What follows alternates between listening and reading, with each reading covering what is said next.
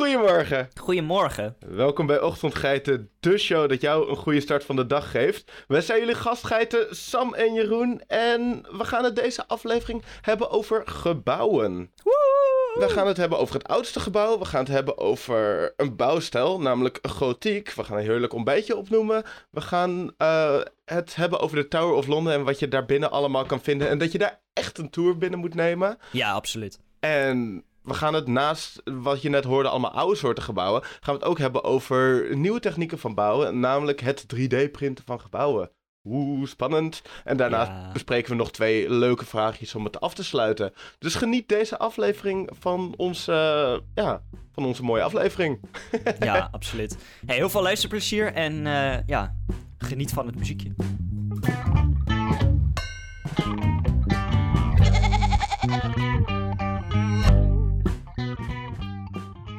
Nou, ik ben afgelopen week dus lekker in Parijs geweest. Dat was lekker. Daar gaan wij volgende week uh, wel meer over vertellen. Want dan wordt het onderwerp namelijk Parijs. Oei, dat heb ik al gezegd. Spannend. Ja, oh. Ja, dat is een mooie stad, man. Uh, daar ben ik lekker geweest. En er staan echt superveel gebouwen in. Naast alle gebouwen heb je ook echt superveel kerken, kathedralen en dat soort dingen. Absoluut. En die zijn, allemaal, nog wel, zijn allemaal nog wel redelijk recentelijk. Heel veel komen uit, uh, sommige uit de renaissance, sommige weer wat ouder en zo. Maar het zijn dus nog allemaal best wel, ja, best wel veel oude gebouwen zitten er ook tussen. Ja, zeker. Er is nog heel veel over van lang geleden. Ja, dat is heel vet. En ik dacht daardoor, daardoor van, wow, wat is eigenlijk het, het oudste gebouw op aarde? Wel, wat is het oudste gebouw, tenminste wat gevonden is? En uh, ik ben er even achteraan gegaan. Hmm. En dat is... Mesopotamië? Nee, het is niet Mesopotamië. Mesopotamië is uh, in principe... ik, weet niet, ik weet niet hoeveel daarvan gevonden uh, is. Maar wat het internet tegen mij heeft gezegd... Okay, okay. was dat het, het Knap of Hauer is. Oké. ik weet niet of ik het goed uitspreek. Of tenminste in het Nederlands zou ik het uitspreken als knap of howar. howar. Howar, ja. Maar... Dus het klinkt een beetje vaag. Waar, waar is het? het? Het ligt in, in heel erg hoog in Engeland. Oké. Nou, sorry, niet Engeland, Schotland. En het dateert uit ongeveer 3600 voor de jaartelling. Tering. Dat is, best... dat is echt heel lang geleden. Dat is best wel heel erg lang geleden. En het, is nu, het staat bekend nu als het oudste gebouw ter wereld dat nog uh, overeind staat.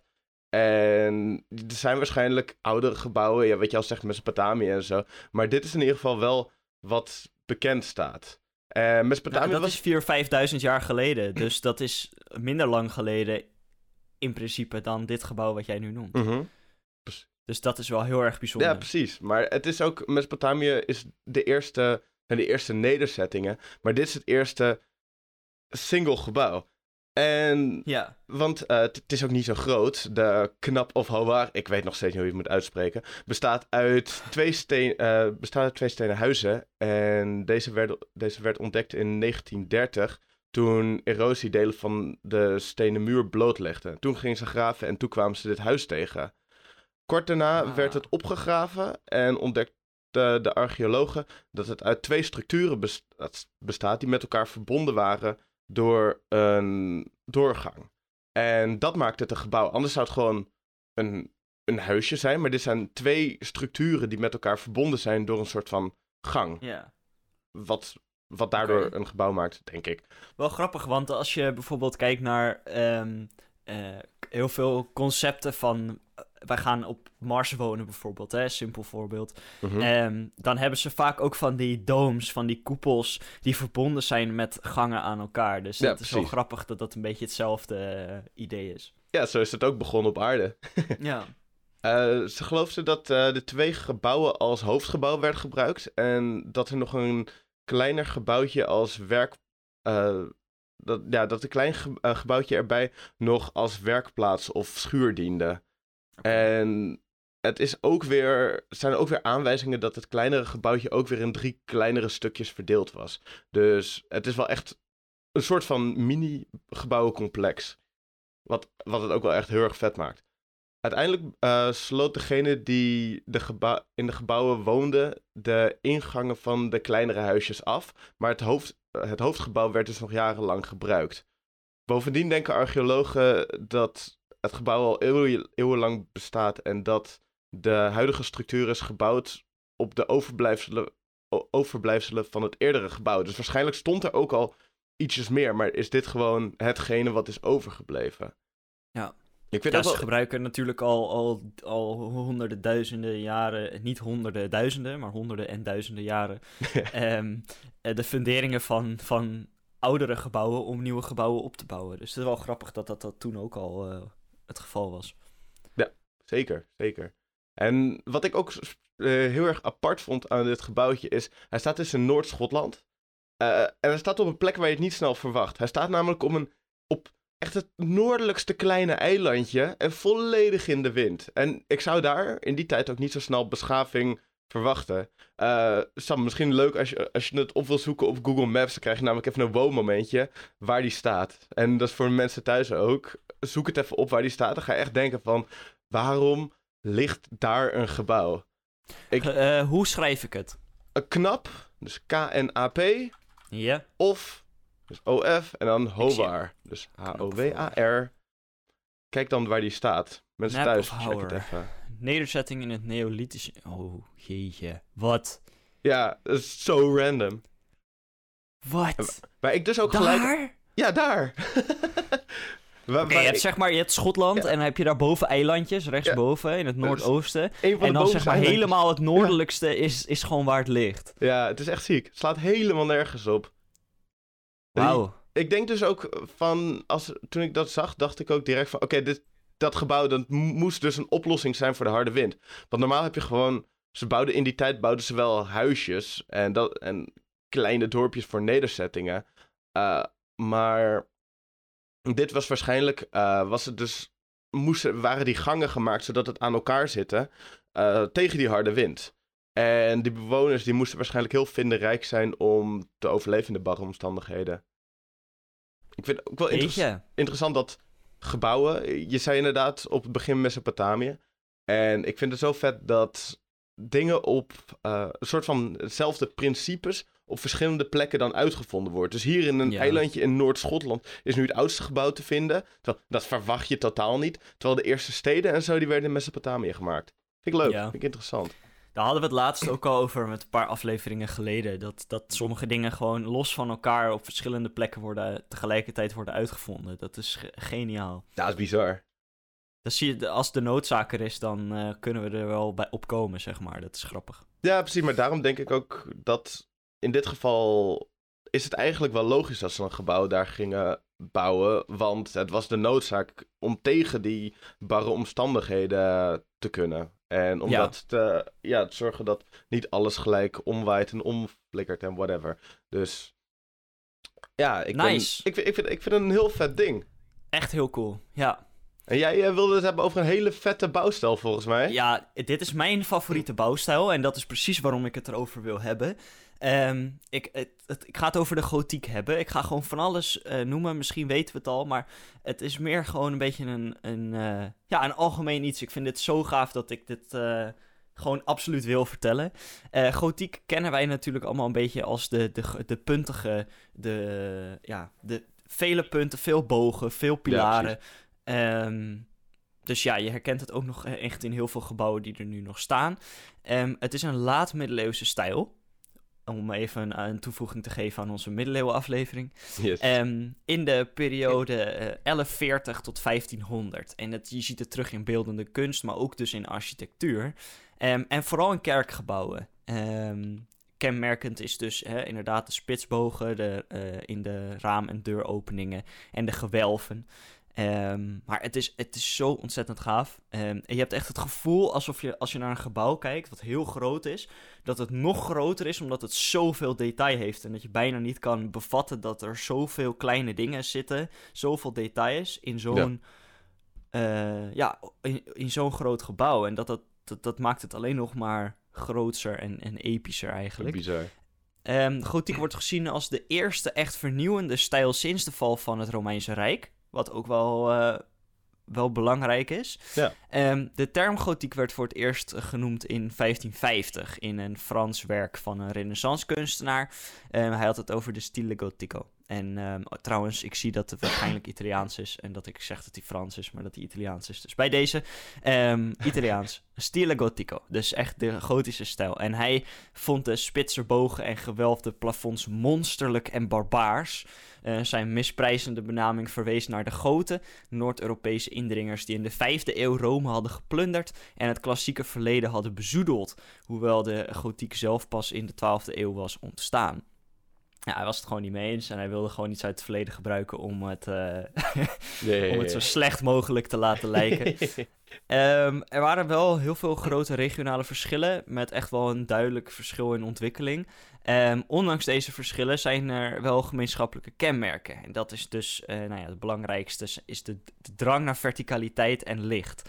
Dat licht werd binnengehaald door hoge vensters en grote roosvensters.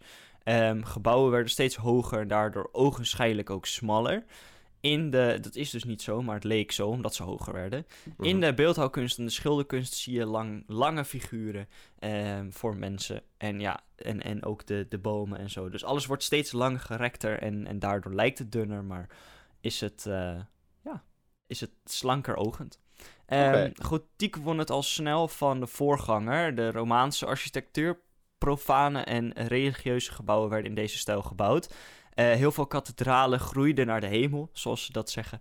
Gewoonlijk werd prodeo gebouwd ter ere van God, dus dat je geen naam van de architect of bouwlieden uh, uh, ja, noteert of bekend maakt. Oh, okay. um, maar het valt wel op te merken dat vanaf deze periode, um, dus vanaf de periode waarin de gotiek werd gebruikt, uh, dat bepaalde gebouwen niet meer anoniem gebouwd werden. En dat tijdens de verdere geschiedenis van de bouwkunst de namen van de architect en kunstenaars wel bekend werden. Wat wel mooi is, want daardoor weten we dus ook nog veel meer erover. En kunnen we ook met gebouwen die nu in ruïne uh, zijn, daar kunnen we nog steeds een beetje terug traceren wanneer en door wie het is gebouwd. Ja, dan kan je, kan je die verbanden leggen inderdaad ook. Van wanneer er ook delen van gebouwen missen, dan kan je zelfs al misschien een beetje kijken wat voor soort stijl uh, iemand had. En daarbij kijken van, oh, dus zo zou het er misschien meer uit kunnen zien. Ja, precies. Vet. Um, het woord gotiek, dat, uh, ben ik, dat, dat komt dus wel van de Germaanse volk, de Goten.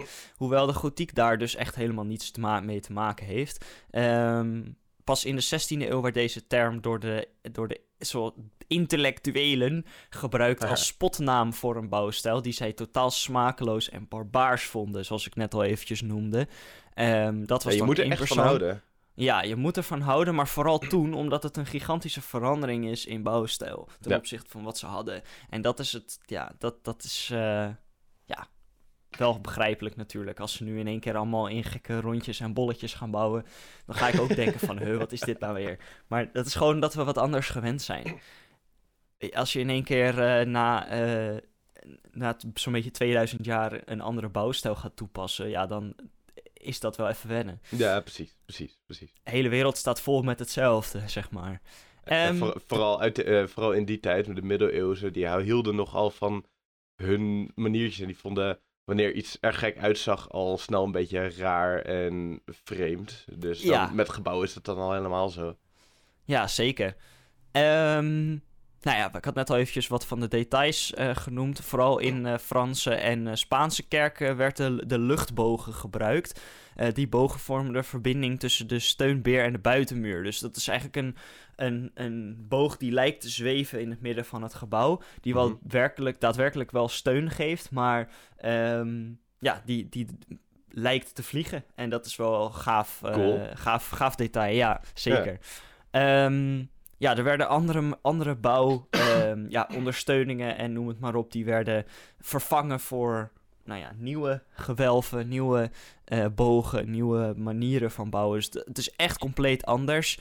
Um, ontwikkeling van de, uh, door de ontwikkeling van de kruisribgewelf, dat is echt een uh, ja, best wel specifiek uh, soort gewelf. Maar dat is eigenlijk zijn dat gewoon bogen.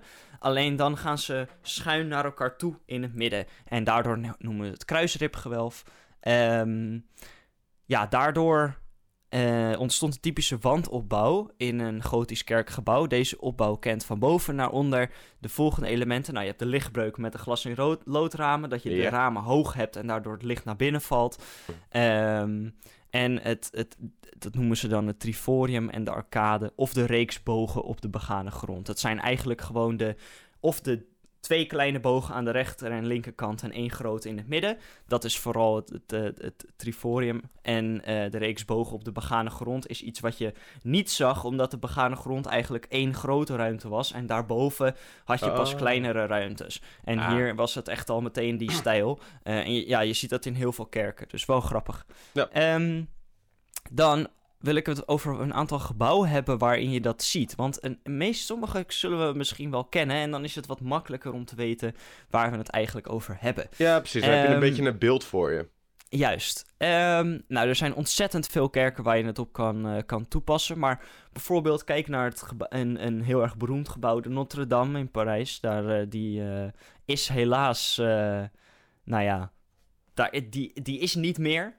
Maar, ja, hij ehm, is wel weer hij is wel weer, maar niet meer zoals het was. Ik heb er gisteren nog is, uh... mooi naar gekeken. Ja, die, die torens zijn er gelukkig wel aan de voorkant. Wat het natuurlijk echt de Notre Dame maakt, die twee torens. Maar daarachter uh, zijn ze wel nog steeds tot de dag van vandaag nog steeds uh, hard aan het werk om, die, om dat dak weer een beetje goed te krijgen. Ja, en, en de torens is ook hetgene waar je de, de bouwstijl het meeste in terugziet. Hè? Dus de, dat, is, dat is echt typisch uh, gotisch. Uh, kijk naar de Karelsbrug in Praag. Uh, de, de torens die daar staan, die zijn ook gotische stijl. Het oh, stadhuis van Gouda. Ehm, de Sint-Jan in, in Sertogenbos, in Den Bosch, is Brabantse gotiek. kijk naar de Heilige Bloedbasiliek in Brugge. Het is gotiek um, met de zachte G. ja, gotiek. Um, de Domtoren in Utrecht is ook uh, Utrechtse gotiek. Uh, ja, wat hebben we nog meer voor, voor, voor leuke dingen? We hebben heel veel. Dat laat heel ook al zien dat er zoveel verschillende stijlen zijn. Ja, ja en nu heb ik, uh, nou ja, de laatste paar waren Nederlands, maar je hebt echt door heel Europa kan je het terugvinden. Um, een voorbeeld is waar ik zelf ben geweest. En dit is wel een grappig verhaaltje. Um, ik, had een, ik heb een, een, een, een vriendin en die uh, zei tegen mij van... Hey, uh, dit is wel grappig om naartoe te gaan. En toen zei ik van, oké, laten we daar gewoon heen gaan. En dat was een set waar ze Harry Potter hebben opgenomen. En ehm, dat is dus in, een, in de ruïnes van een abdijkerk. En, waar? Ja, en dat is in België. Uh, net iets onder Brussel. Nee, en wij zijn, wij zijn daarheen gegaan. En uh, wij dachten gewoon, weet je, fuck it. we gaan gewoon. En uh, ten eerste, de wegen daar zijn echt heel erg slecht. Het was voor het eerst dat ik in België reed, dus dat was ook echt een drama. Ja. Um, niks verder tegen België hoor, maar de wegen nee, slaan nee. nergens op. mensen zijn lief, um, maar de wegen zijn minder. Oh man, oh man. En het was ook meteen uh, uh, ja, het, het, het, Frans sprekende deel. Dus dat was ook wel even een strijd. Maar uh, we hebben het voor elkaar gekregen. We zijn daar naartoe gegaan. We zijn er binnen gekomen. En heb je een heel mooi stuk, een loopje vanuit het oude Maalgebouw. En dan kan je via een brug kan je erheen. Kan je op het terrein komen. En heb je een gigantische ruïne. Um, nou, je ziet echt ook die, die oude stijl. En ik kan iedereen um, ja, aanraden om daarheen te gaan. Het is hm. echt een hele mooie plek. Het heet, het is de Abdijkerk van Villers. En um, het, ja, het is, het is ontzettend gaaf. Welke, welke scènes zijn er opgenomen? Um, de scène dat. Uh, het heeft met de Battle of Hogwarts. Dus het is echt in het, helemaal aan het einde. Dat uh, Hogwarts een beetje half vernietigd wordt. In oh, de, daar. daar. Dan is het. Je hebt bijvoorbeeld een grote trap daar. Die loopt onder het spoor door. Want er gaat een treinspoor overheen. En uh, die trap loopt um, Minerva-anderling, om het even zo herkenbaar in het Nederlands te zeggen. Um, loopt dan de trap af op het moment dat ze. Ja, beetje beginnen met de, met de strijd. Dus oh, het is. Het, het zijn, er zijn daar meerdere dingen opgenomen. Het zijn wel fragmenten hoor. Het is niet de hele, hele uh, oorlog, zeg maar. Nee, precies. Maar um, ja, je hebt daar echt de typische ruïnes die heel erg lijken op de stijl van het kasteel. Uh, die heel waar ze filmen. Ja, het ziet er ontzettend gaaf uit. Ik kan dus iedereen er, er nou, echt, ik benadruk het nog een keer, ga erheen. Want het is echt heel erg vet, het is heel erg mooi. Um, en je, ja, je komt daar echt in een andere wereld. Het is heel gaaf.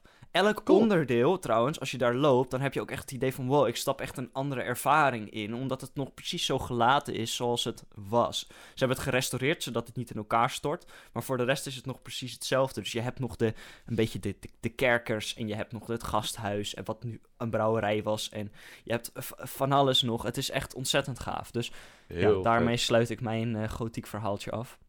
Cool. Maar uh, ja. Mijn favoriete bouwstijl. En uh, ik hoop dat je er, dat nadat, nadat men hiernaar heeft geluisterd, er wat meer op let. Dat als je tegenkomt, dat je denkt van, hey, is dit die bouwstijl? Want dat houdt je wat bewuster bezig met, uh, ja, wat je om je heen ziet.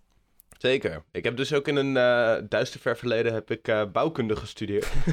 en daarvan krijg je, ik, drie maanden lang, dus het was niet heel lang, maar ik heb wel de geschiedenis van de, geschiedenis, geschiedenis van de architectuur heb ik dus ook voor drie maanden gehad. En daarbij kwam dit inderdaad langs. Kwamen ook veel, uh, veel andere stijlen langs. Dus het is inderdaad sowieso leuk om, om daar gewoon een keertje in te duiken. En wat Sam nu gedaan heeft met uh, gotisch, wat hij heel erg mooi vindt en zo. Dat kan je ook voor andere bouwstijlen kan je dat gewoon ook zelf doen. Wat je, van wat je zelf gewoon mooi vindt. En dan kan je echt door steden en zo lopen met, met een blik van... Oh, dat is uit die tijd. En dat zit zo in elkaar. En je kan ook zien wat voor een soort gedachtegoed dan zo'n architect zou hebben en zo. Dus het is echt heel, uh, heel leuk om dat te doen. Wat jij, wat jij ons hebt gegund, Sam, met de kennis over gotiek. Dat is zoveel waard, want het laat gewoon de wereld om je heen, geeft dat gewoon net wat meer kleur. Ja, precies. En het, het geeft ook wat meer diepte. Het is, uh, weet je, we weten tegenwoordig veel minder van de wereld om ons heen uh, dan vroeger, omdat het vroeger een beetje een vereiste was. En er waren de dingen die we nu kennen, de, de, de, media en alles, dat was er vroeger niet. Dus je hield je ook veel meer bezig met de dingen die je voor je eigen ogen zag. En um, dus veel meer mensen wisten ervan. En daardoor was het meer algemene kennis. Dat is een klein beetje verdwenen. Um, en ja, dat, dat vind ik wel jammer. Dus ik, ik, ben er zelf naar op zoek gegaan. En ik moedig iedereen dat aan. Dat als je gewoon iets wilt weten en je bent ergens benieuwd naar, ga er naar op zoek. En, en, en dan kom je er vanzelf uit en dan leer je iets wat je echt zelf wil weten. En dat is echt een van de leukste dingen die je kan doen. Ja, precies, precies. Weet je wat ook een van de leukste dingen is die je kan doen? Tenminste, vind ik ons, uh, ons segment? Of bedoel je ons segment of hetgene wat wij doen in het segment? Nou ja, gewoon eh, ontbijten. Dat is toch fantastisch? Lekker man. Kijk, uh, weet je, goed eten is altijd fijn. En uh, ik heb wel heerlijk gegeten, dat kan ik je wel vertellen. Ik heb een croque madame gegeten en het was echt super lekker. Nou, ik heb de, de makkelijke versie die jij mij aanraadde, heb ik gemaakt. Dus gewoon uh, twee sneetjes brood, ham en kaas in, in het midden op elkaar. Maar ik heb het iets anders gedaan. Ik heb, mos, ik heb mosterd op het broodje gesmeerd. Want dat hoort ook eigenlijk bij een croque madame. Of een croque monsieur moet ik eigenlijk zeggen. Maar croque madame is hetzelfde, maar met een ei. Um, dus ik heb een beetje mosterd ertussen gedaan. Dat geeft iets, een beetje spice. Um, een spiegeleitje met een heel klein snotlaagje. Zoals uh, jij mij hebt aangeraden beetje peper eroverheen en uh, ja, de broodjes natuurlijk in het tosti-ijzer. Um, en ik heb het gewoon zo, uh, zo opgegeten. En eigenlijk, ik heb de mayonaise en de ketchup dit keer achterwege gelaten. Okay. Omdat ik de, de, de smaken van, uh, ja, van de rest van de elementen bij elkaar wilde, wilde, hebben. van wilde genieten. Maar je kan er ja, zeker wel mayonaise of ketchup of wat dan ook bij eten. Uh, -hmm. Dat ga ik ook zeker nog wel doen. Maar uh, ja, ik wilde het even zo doen. Dat, dat, dat is ook het mooie eraan. Je, je kan het ook weer dit op verschillende manieren maken. Je hebt gewoon de croque madame, maar je kan er ook allemaal verbasteringen van maken. Inderdaad, met wat jij hebt gedaan, met, uh, met uh, mosterd, wat ik doe met mayonaise. Het zijn eigenlijk allemaal verbasteringen van hoe een croque madame hoort. Want ik heb, als je een croque madame opzoekt qua recept, krijg je best wel grote, best wel moeilijk iets tussen aanhalingstekens. Want Sommige mensen vinden het wat minder moeilijk, maar krijg je best wel een, een strijd voor je, zeg maar. Iets, ja. het is, strijd om je ontbijt te maken. het is best wel uitgebreid, maar het is ook... Ja, je, het ligt ook vooral aan de ingrediënten die je gebruikt. Als je ja, hoe je een officiële croque madame moet maken, dan moet je ook speciale soort kaas, speciale soort ja, uh, vlees, speciaal soort brood. Alles moet uh, speciaal zijn. En je kan ook gewoon zeggen van, fuck it, ik douw een tosti tussen tosti-ijzer en ik bak een ei en ik leg erop. Weet je, dat, klinkt, bedoel... dat klinkt wel heel respectloos. ja, maar ik bedoel... Dat is, ja, maar het is wel zo, het is wel ja, zo. het is wel zo. En op die je moet ook niet moeilijker maken dan dat het is. Nee, precies. En je kan het voor jezelf wel heel moeilijk maken. Maar als je daar zin in hebt, moet je dat vooral doen. En anders Zeker, kan je het ook zeker. gewoon lekker makkelijk doen. Precies. Ehm, en wij zijn over er deze gesproken. vorige week voor de makkelijke manier. En deze week, zo te horen, ook. Ja, ik heb iets makkelijks, maar niet per se een, een aanpassing van een bestaand recept, maar gewoon een heel simpel recept. Ehm, wat heb je nodig? Nou ja, je hebt het begin met avocado, dat is eigenlijk het belangrijkste onderdeel. Ehm, je hebt avocado nodig, je hebt vers citroensap nodig, je hebt eh getooste broodjes nodig, eh hardgekookte eitjes ehm, en eh, wat kleine radijsjes. Dat is eigenlijk het allerbelangrijkste. Spannend. Ja, zeker. In een kom. Je gooit de avocado erin, je gooit de eh, v- citroensap erin eh, en je gooit een beetje zout en peper erin, voor zoveel je wilt. Dat douw je allemaal door elkaar heen. Ja, ja, Oké, ja. dus eh, de, de avocado moet je die zeg maar gesneden, gesmoeshed, ge... Ik zou hem heel- in, in, hele, in kleine eh, stukjes doen, zodat je hem makkelijker kan prakken. Want je gaat Ah, het oké, hier namelijk prakken. allemaal door elkaar prakken en, en, en stoppen. En dat het, allemaal, dat het een soort van spread wordt. Het hoeft niet Ah, allemaal heel glad te zijn, echt zeker niet zelfs. eh, maar dat het een beetje smeerbaar is. Duidelijk. Ehm, dan heb je je, br- je broodjes. Nou, kies zelf een brood. Eh, gooi het in, de, in een broodrooster, dan heb je een mooie toast. En eh, kook wat eitjes. En eh, die eitjes, dat, eh, ja, je kan het in ieder geval hard gekookt, maar je kan het een beetje zacht laten aan de binnenkant. Dat, dat vind ik zelf wel lekker. Ehm, Yes. Dan snij je die in de lengte door de midden. Wel eerst pellen, anders krijg je een zootje. Ehm, en dan ja, leg je eigenlijk op je toast je avocado, eh, je, je spread. Daar leg je de halve eitjes op. En dan snij je de radijsjes in hele, hele, hele dunne plakjes. En dat leg je er bovenop. En dan kan je eventueel, mocht je helemaal fancy doen en het echt leuk vinden, er eh, kleine stukjes bieslook en sesamzaadjes opleggen. Dat is ook heel Ja. lekker. Klinkt heerlijk. Dat is het. Heel simpel, maar heel effectief. Ja, en volgens mij ook heel erg lekker. En toch lekker, lekker gezond ook. Ja, en ik dacht, laat ik hem een keertje vegetarisch doen, want we hebben best veel vlees gehad de laatste tijd. Dus, Ja, eh, Het is goed ja, om, eh, eh, om dat een beetje af te wisselen. Dat je niet altijd vlees eet. Nee, precies. Maar ja, vooral ook omdat hij makkelijk is eigenlijk. En we doen niet heel vaak iets met avocado tot nu toe, dus ik dacht, nou ja, die kan er ook wel bij. Het is een gevalletje lekker makkelijk, lekker lekker. Ja, precies. Hoppatee. Ja, dat vind ik een hele goeie. Yes. Nou, als je je ontbijtje hebt gegeten, dan eh, ga je, je natuurlijk met je dag beginnen en dan ga je lekker eh, al je dingen doen. Ehm, maar stel je voor, je eet je ontbijtje, maar je kan eigenlijk niet iets doen, want je zit in de gevangenis. Oh nee. Ja, precies. dat is zonde. Ja, dat is inderdaad zonde. Nou, ik Maar- hoop wel. Dus ja, eh, ik weet niet, kunnen mensen, me- mensen dit ook luisteren in de gevangenis? Als je dit luistert in de gevangenis, eh, laat het ons, stuur een DM via Instagram. Laat het ons weten. Dat vinden we leuk. En dan eh, gaan we een leuk op maat gemaakt eh, receptje voor je maken. Ik weet Yes. niet of dit een goed idee was. We gaan het wel zien.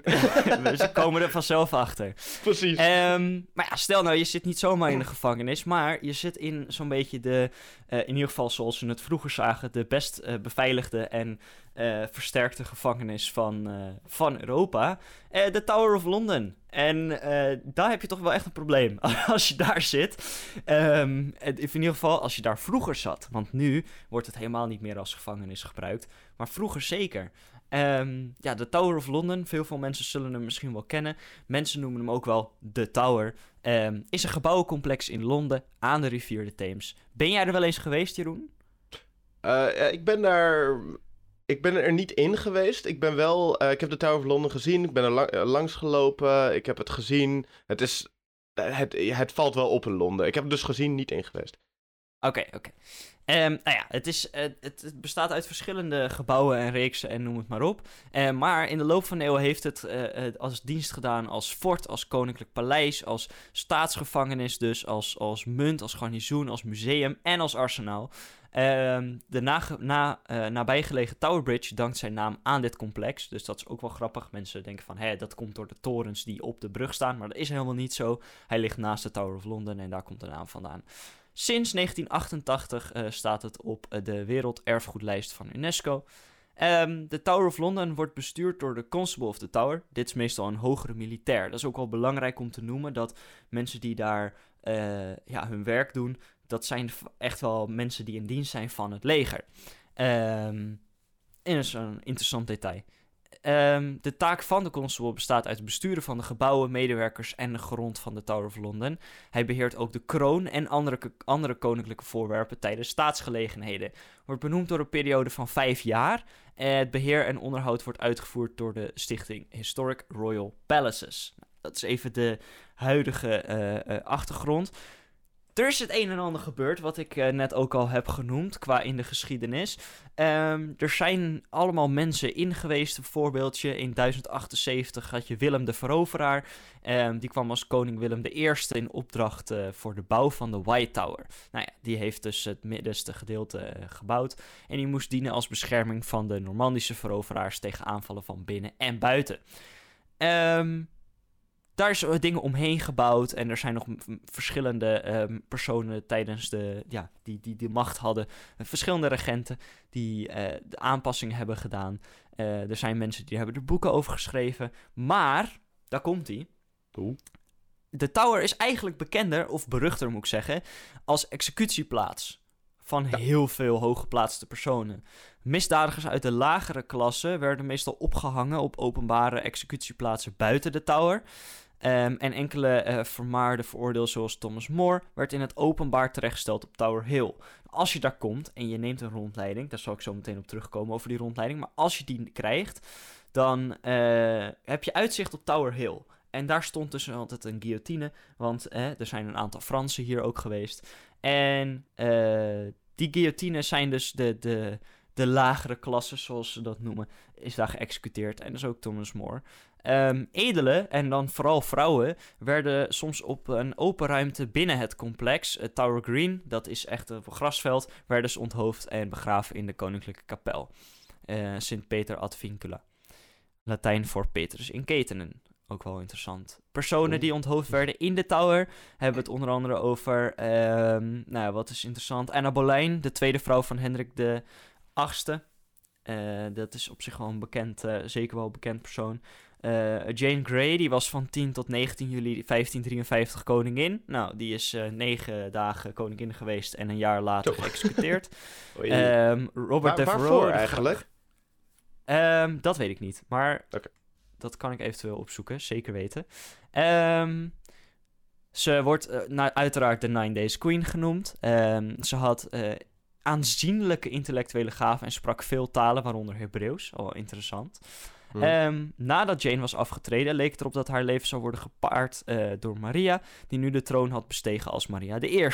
Zij stuurde John de Fackenham, uh, naar Jane in een poging om haar te bekeren tot het katholicisme. Jane weigerde, inmiddels streefde Maria naar een huwelijk met de Spaanse koning Philips II en de Spanjaarden stonden erop dat Jane ter dood werd gebracht.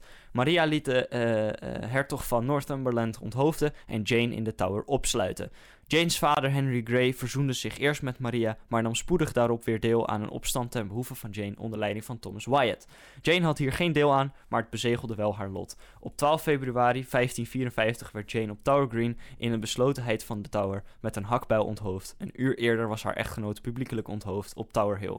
Haar vader werd elf dagen later ter dood gebracht, eveneens op Tower Hill naast de Jane Grey zijn er uh, heel veel andere mensen ook geëxecuteerd. Maar dat is eigenlijk niet mijn, uh, mijn idee wat ik hiermee wil vertellen. Um, ik wil eigenlijk hierbij weer mensen een, een soort aanmoediging geven.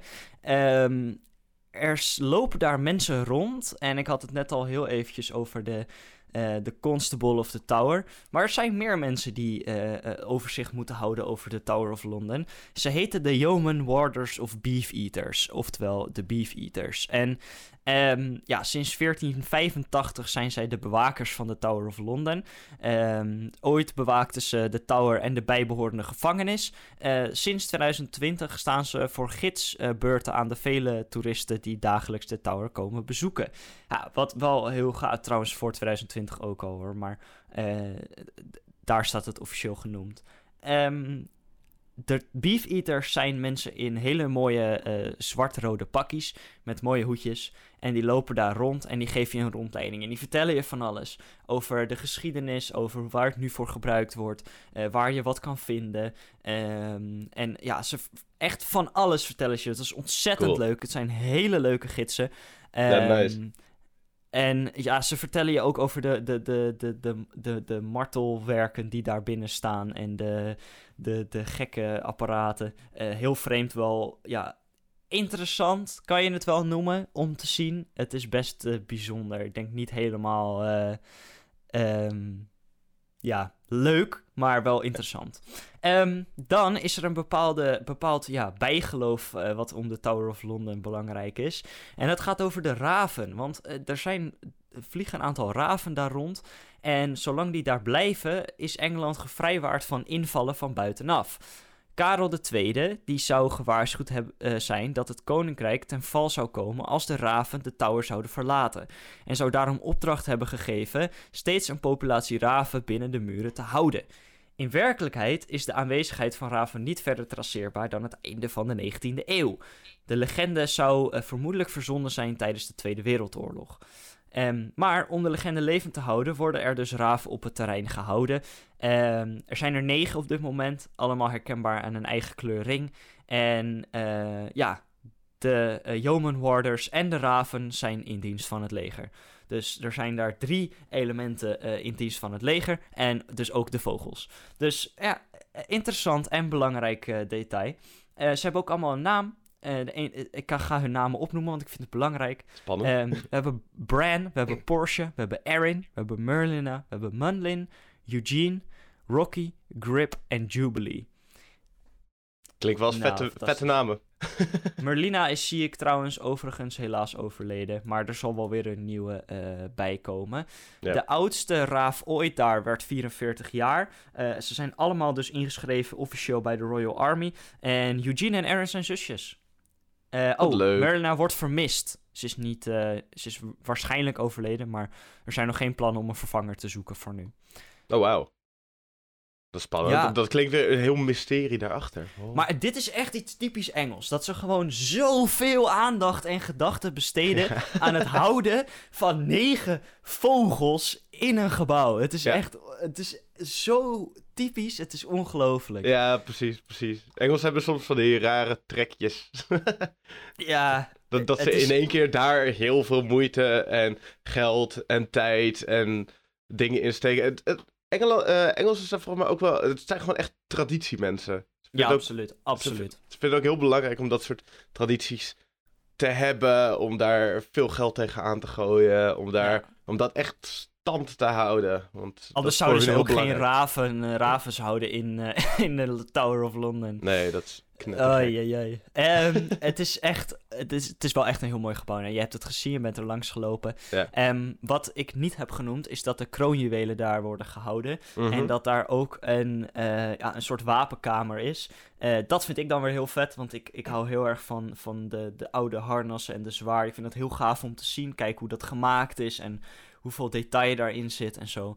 Um, maar de kroonjuwelen zijn ook ontzettend mooi. En ja. ja. ik kan iedereen aanraden om erheen te gaan. Wederom, want het is echt uh, super gaaf. En um, ja, zo'n rondleiding van een beefeater is toch wel iets wat je ooit een keer in je leven moet hebben gedaan. Want ja, het is, precies. Het, het, het is, is, een geniaal. experience dat je mee moet maken. Ja, het is niet gewoon een rondleiding van iemand in een museum, in een random museum die gewoon een beetje vertelt. Het is echt een ervaring en een ja. show ook. Dus het is echt heel leuk. Ah, vet. Het is, ja. het is echt, echt een leuke experience om een keer te hebben. Ga ik wel een keertje doen. Ik wil sowieso weer een keertje naar Londen toe. Dus dan lijkt me heel leuk om daar ook in plaats van daar langs te lopen, om ook echt naar binnen te gaan. Ik was toen in Londen, was ik maar één dagje. Dus dan heb je gewoon niet echt tijd om overal naar binnen te gaan. Maar de volgende keer dat ik in Londen ben, wil ik ook wel langer. Dus dan is dat echt een top idee om te gaan doen. Want nou, ik ken je bent dag... echt wel een halve dag kwijt hoor. Makkelijk. Ja, ja oh, dat geloof ik zo. Ik ken ook van die, uh, in de films zie ik dan een beetje hoe het er van binnen uitziet. Ja, dat is waarschijnlijk niet representatief met hoe het er echt uitziet en zo. Maar ik vind het gewoon zo vet dat je dan die kroonjuwelen hebt staan. Klopt het dat het achter een soort van groot klui, een grote kluis staat? Nee, het staat uh, niet zoals in uh, Sherlock Holmes in een kluis. Het staat okay. gewoon in, uh, in glas. Maar wel uh, heel goed beveiligd. En uh, je staat op een lopende band. Dus je kan er niet bij stilstaan. Je moet doorlopen, zodat mensen er niet voor gaan staan. Dat is slim. Weet je, ja, wat je, je, je bent bij het Louvre geweest. Ja. of zonder er al te veel over te praten. ben je er ook in geweest? Ik ben nog niet in het Louvre geweest, nee. Oké, okay, nou dan bewaren we dat voor volgende week. Maar... Um, oh daar, eh, ja, daar hebben ze daar dus niet over nagedacht. En in de Tower of London wel. Daar hebben ze dus een lopende band. Daar kan je niet stilstaan bij de kroonjuwelen, zodat iedereen het gewoon kan zien. En er niemand voor gaat staan. Ja, Ehm, ik weet wel de verhalen ja. van het Louvre, dat je dan de Mona Lisa met, Ja, de, precies. met de grote menigte mensen die ervoor staat voor dat kleine schilderijtje. ja, dat is dus precies wat ik bedoel. Ja, precies. Ehm, en ja, hier heb je dat dus niet. Maar er is wel hele goede beveiliging in de tower. Kijk, het is Oh, natuurlijk ja. een gevangenis geweest, maar er is hele goede beveiliging. Je kan daar ook, voordat je de kroonjuwelen gaat zien, doen ze ook nog een korte screening. dus je kan ook gewoon, al ben je de tower al in, dan moet je nog steeds eh, eh, ja, een, een korte screening krijgen op, voordat je de juwelen mag zien. Het is, eh, ja, het is, het is wel echt een ervaring. Maar goed, dat is de Tower of London. Super Cool. gaaf, zeker aan te raden. En een heel ja, bijzonder gebouw. Cool, heel vet. Ik wil het hebben over andere bijzondere gebouwen, want ik wil het eigenlijk hebben over de toekomst van gebouwen. Want je weet, onze generatie, wij Gen Z'ers, kampen met een heel mooi woningentekort. Ja, En- fantastisch. ja, altijd fijn inderdaad. En wereldwijd moeten er echt de komende jaren heel veel huizen en gebouwen gebouwd worden om de snellere, eh, op een snellere en effectieve manier, want op de manier hoe het nu gaat, ja, is dat niet, wordt er niet zo heel veel gebouwd, laat ik het zo zeggen. Nee, wel wat niet gebouwd. genoeg. Maar er wordt zeker niet genoeg gebouwd, inderdaad. Weet je wat een goede oplossing daarvoor is? 3D-geprinte gebouwen. En het zou hiervoor. Ja, het zou gewoon. Het lijkt mij echt zo geweldig wanneer je een huis of een gebouw eh, kan laten eh, bouwen door een robot. Want ja, het klinkt een beetje als science fiction, maar het, het kan in principe al. En het wordt ook gedaan. Want ja, de bouw is een sector dat zelf niet zo heel erg innoveert. En je krijgt, het krijgt wel steeds allemaal tools waardoor ze dingen handiger kunnen meten en kunnen berekenen en maken en zo. Maar de sector zelf innoveert niet echt, eh, niet echt snel. Dus er Nee. zijn eh, wetenschappers zijn er, en gewoon slimme mensen die zijn bezig met hoe kunnen wij het handiger maken. Want ja, de sector is gek genoeg minder efficiënt dan bijvoorbeeld 60 jaar geleden. Ze werken nu gewoon minder efficiënt. En dat is bizar als je daarover nadenkt. Eh, ze werken nog steeds met oude methodes, weliswaar met nieuw gereedschap. Maar het lijkt me zo vet als, als er dus een ontwikkeling komt waardoor dat huizenbouwen gewoon veel sneller zou gaan. Ja. Eh, komt natuurlijk ook door het me- eh, door het mensentekort. En de vraag naar, ja, dus de mensentekort. En dan de vraag die zou stijgen, dat zou op een gegeven moment alleen maar problemen gaan geven. Dus die engineers, die zijn bezig geweest met het printen van een 3D-gebouw. En dat je dat uiteindelijk ook op grote schaal op heel veel verschillende plekken kan doen. Wat, wat is er, Sam? Het printen van een 3D-gebouw. Het printen van een 3D... Dat ging niet goed in die zinsopbouw. Ja, maar het ging ook niet goed in mijn brein. Ik had even... Ja, jij, jij, jij zat heerlijk te luisteren en ineens kwam die zin langs en je dacht echt, hè? Ja, Ja, dat je hebt klopt gelijk. even niet. Het, het, het printen van, het 3D-printen van een gebouw. Hè? Verschrikkelijk. Ja, soms, soms gebeurt het als je, als je aan het lullen bent. Zo op een papiertje, zo'n 3D-afbeelding, zo. ja, ja, ja. Oh, Woningmarkt opgelost. Opgelost, ja. ja, ja. Zo'n nou, een krulletje erachter. Oké, maar... ehm, weet jij hoe, hoe ze dat doen, Sam? Het, het Nee, printen ja, van... ik- ik- niet nou, de ik manier weet- zoals jij net zei. Ik weet dat eh, mij, bij het... Bijvoorbeeld, ze zijn bezig geweest met het 3D-printen van een raket. En daar hebben ze ook gewoon echt eh, eh, metalen en zo gebruikt. Dus ik weet dat het wel mogelijk is om andere materialen dan alleen maar dat, dat speciale plastic te gebruiken. Mhm. Ehm, maar ik heb eigenlijk eerlijk gezegd geen idee waar ze het, het gebouw van zouden maken. Alright. Dat, eh, ik ga het, even, het hele proces gewoon even lekker met je doornemen.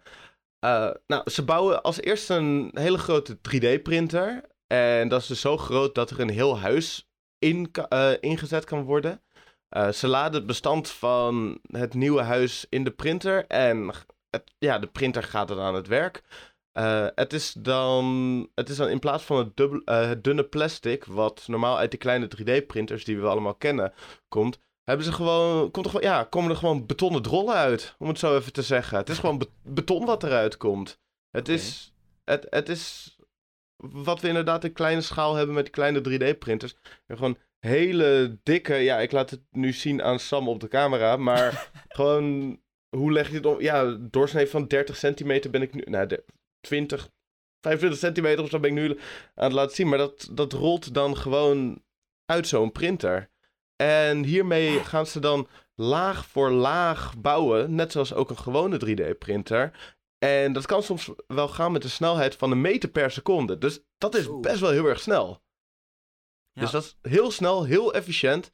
En doordat de computer met deze data van het uh, geïntegreerde model uh, gewoon, omdat dat ingeladen is, kan het dus ook heel nauwkeurig zijn. En hierdoor wordt de manier van bouwen ook op zo'n manier uh, gedaan dat een elektri elektricien en een loodgieter hier gemakkelijker gebruik, gemaakt, jeetje, gebruik van kan maken mijn zinnen gaan vandaag echt heel erg lekker. Uh, I'm scared, man. En, uh, maar dat is geniaal. Dus doordat uh, ze alvast tijdens het design kunnen denken aan de elektricien en de loodgieter die erbij willen, kan het dus optimaal gemaakt worden, zodat, zodat de elektricien en de loodgieter zich heel makkelijk uh, ja, door het gebouw kunnen wringen om overal alles neer te zetten wat ze nodig hebben. Dus op die manier kan in, uh, kan in 45 uur kan een heel gebouw gewoon gemaakt worden. uh, eh, 3D geprint worden. En een goed, een goed voorbeeld hiervan is, is ook het 3D geprinte huis in Beckham. Dat ligt in Duitsland. En dat is het eerste 3D geprinte huis waar ook echt mensen in gaan wonen. De overheid heeft hiervoor ook officieel goedkeuring gegeven. En dat het uiteindelijk dus gaat functioneren als een woonhuis.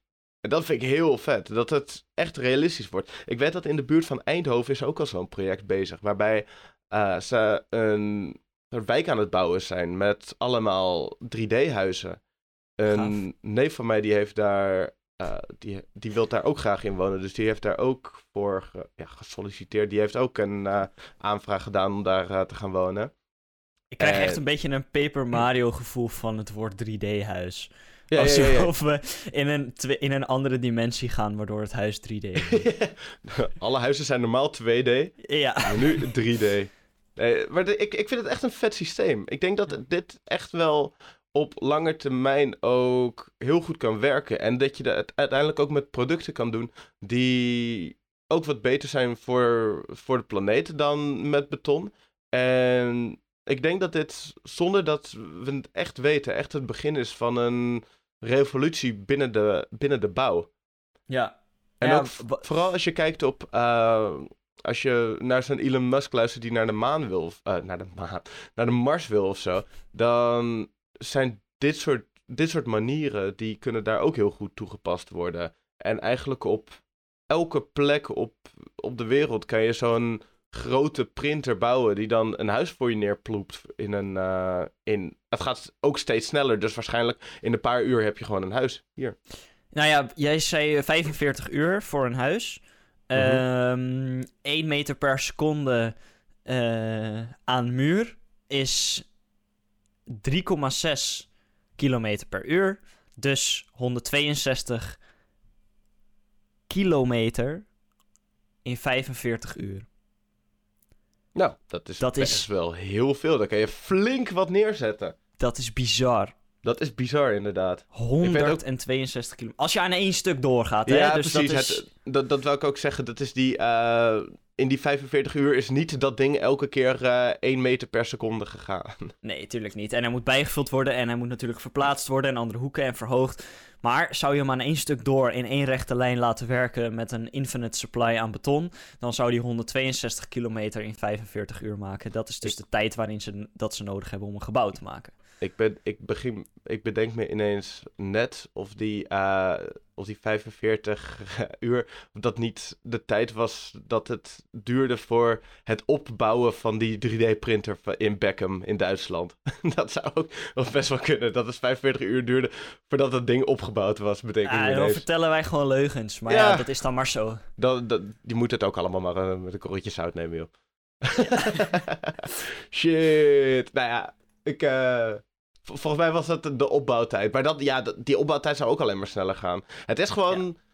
In principe maakte die tijd uh, voor nu ook niet zo heel veel uit. Want we weten ook gewoon dat die technische ontwikkeling daarin gewoon heel snel gaat. En dat, uh, dat dit nu het eerste echte 3D-geprinte huis gaat worden waar mensen dan in kunnen wonen. Dat zegt nog echt dat we op het begin zijn van, uh, van meer innovatie daarbinnen. En dat dat zeker nog uh, sneller, beter en handiger gaat worden. Ja, absoluut. Ja, ik ben heel erg benieuwd. Ja, kijk, niet alleen qua, um, ja, qua machines die de gebouwen voor ons maken, maar ook qua design en, en nou ja, noem het maar op. Zie je natuurlijk in heel veel steden over de wereld uh, ja, innovatie als, als als eerste punt naar voren komen. Ja. Uh, simpel voorbeeld is bijvoorbeeld Tokio. Hè. Daar staan ontzettend veel echt hele gave moderne gebouwen. Zeker. Um, en ja, het is grappig hoe, dat, uh, hoe zich dat ontwikkelt. En ik ben ook benieuwd hoe dat hand in hand gaat met de nieuwere bouwtechnieken die in de komende jaren uitgevonden gaan worden. Ja, zeker. Dat, uh, we gaan een interessante tijd tegemoet. Ja, zeker. Vet, jij, jij wilde mij wat vragen. Ja, ik, ik, ik heb twee hele leuke vraagjes, uh, vraagjes voor jou. En de eerste vraag die ik jou wil stellen is de mooie vraag: wat is jouw favoriete gebouw? Jezus. Um, ja, wat story, dus zet je toch even on, uh, ik denk, ik denk, ik denk de Sagrada Familia, want ik, uh, dat komt door meerdere dingen, maar ja, absoluut. Heel vet. Want weet je wat het leuke hieraan is? Nou. Het is ook mijn favoriete gebouw. Nou, jeetje. het is echt ongelooflijk. Het is, uh, ik vind het, ja, het, sinds ik jong ben, heeft mijn moeder zo'n boek van Gaudi. Uh, Gaudi is degene die de Sagrada Familie uh, ontworpen heeft. En dat boek sprak mij al zo erg aan. En die hele stijl sprak mij zo erg aan. Ik vond het echt een magisch boek om te zien. Dus dat, dat gaf al een soort van spark. Het is toen ik dus bouwkunde ging studeren in een, uh, een lang, lang ver verleden. Valt wel bij vier jaar. Maar, uh, oh nee, meer. Vijf, nou, whatever. Uh, toen hebben we ook in bouwkundelessen hebben we het over de Sagrada Familia gehad. En dat was, ja, hoe dat gebouw bouwkundig ook in elkaar zit, is echt geniaal. Ja. Hoe, hoe dat werkt, dat, ja, je ziet al van de buitenkant dat het een indrukwekkend gebouw is. Ook van de binnenkant is het echt een super geweldig gebouw. Maar bouwkundig zit het zo geniaal in elkaar. Het is ook uh, gemaakt van. Uh, voor mij is het de, is de constructie ontworpen met een. Met, met draden die dan op zijn kop hangen. En dan op die manier kijken hoe, uh, hoe stabiel dingen kunnen worden en zo. Het heel moeilijk uit te leggen, ja, maar het is geniaal bedacht. De wetenschap was nog niet zo ver ontwikkeld als nu. Dus nee, ze moesten het doen door miniatuurversies te maken en er dan achter te komen of het werkte. Ik zie ook dat um, uh, in eerste instantie, ja, de, er was een idee voor de kerk, hij moest er komen. En er waren mensen, er was iemand voor ingehuurd. Francisco de Paula del Villar. Uh, Hij bood aan om kosteloos het ontwerp voor de kerk te maken. Hij tekende een kerkgebouw in de voor die tijd gangbare neogotische stijl, dus hij ja. gotisme. Uh, Del Villar begon in 1882 met de bouw van de crypte, maar na een jaar kreeg hij ruzie met de opdrachtgever en werd hij ontslagen. Uh, toen kreeg Gaudi dus de opdracht. Um, hij heeft de crypte volgens de originele ontwerpen afgemaakt, maar is daarna volstrekt een andere weg ingeslagen. Ja, het is, het is heel vet inderdaad. Ja. Blijf het ook uh, bijzonder vinden. Van, voor mij was dat Gaudi die onder een tram is gekomen. En waardoor, ja, Gaudi is onder een tram gekomen. Uh, hij leefde, hij was niet zo populair in zijn tijd. Uh, hij had namelijk best wel andere kijken op dingen. En andere, hele rare manier van bas, van, van stijlen en zo, die manier. Hij had ook de gemeente was ook niet heel erg zeker of ze Gaudi wel echt zouden aannemen voor dit project. En hij is toen ook dood, uh, doodgegaan zonder echt die fame te krijgen die hij vandaag de dag krijgt. Een beetje net als Vincent van Gogh. Bij Vincent van Gogh is het nog net een trapje erger, want die uh, kwam heel, eigenlijk helemaal nergens aan de bak, om het even zo lullig te zeggen. Maar Gaudi die kreeg nog wel opdrachten en zo. Maar hij is best wel jong overleden, waardoor het pas, waardoor zijn faam kwam eigenlijk pas na zijn dood. Terwijl die, hij heeft echt hele mooie dingen gemaakt. Ook Park Güell in uh, Barcelona. Dat is echt ongelooflijk mooi.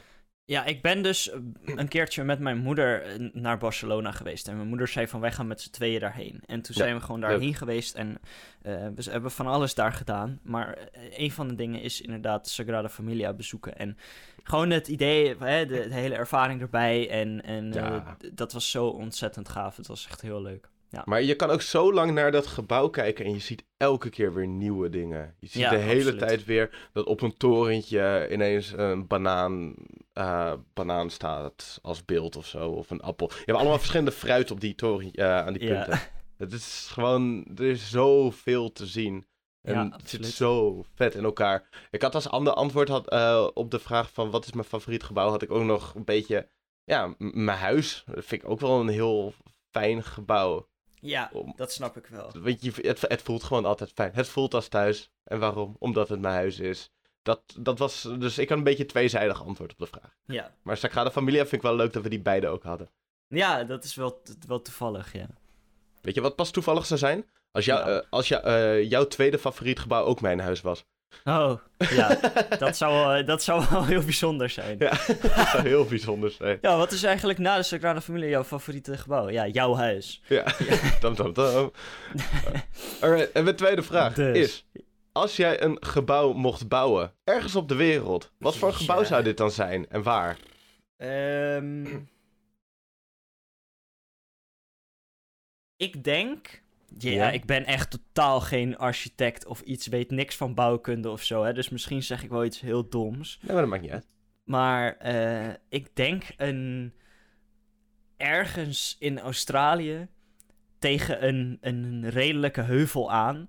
En dan gewoon een. Uh, ja, een, een, een. Of een gelijkvloerse of, of een tweeverdieping uh, huis voor mezelf. En dan gewoon met, met alles wat ik, uh, wat ik nodig zou hebben. Maar op een heuvel, want dan ben je een beetje, ja, een beetje deels geïsoleerd, maar nog wel in de buurt van het een en ander. Ja, vet. Ik denk dat dat het wel is. Ja, en, en dan zou je dan in de buurt van de bewoonde wereld? is voor mezelf, maar ja. Uh, ja, in de buurt van de bewoonde wereld wel. Want dan kan ik gewoon nog mijn boodschappen doen en mijn dingen doen en overal nog heen. Maar wel geïsoleerd in de zin van dat ik uh, een ja, geen, niet een huis direct naast me heb staan, zeg maar. Nee, precies. Precies. Ik had ook een soort van gelijk antwoord. maar dan was dat een, uh, gewoon een heerlijke luxe villa.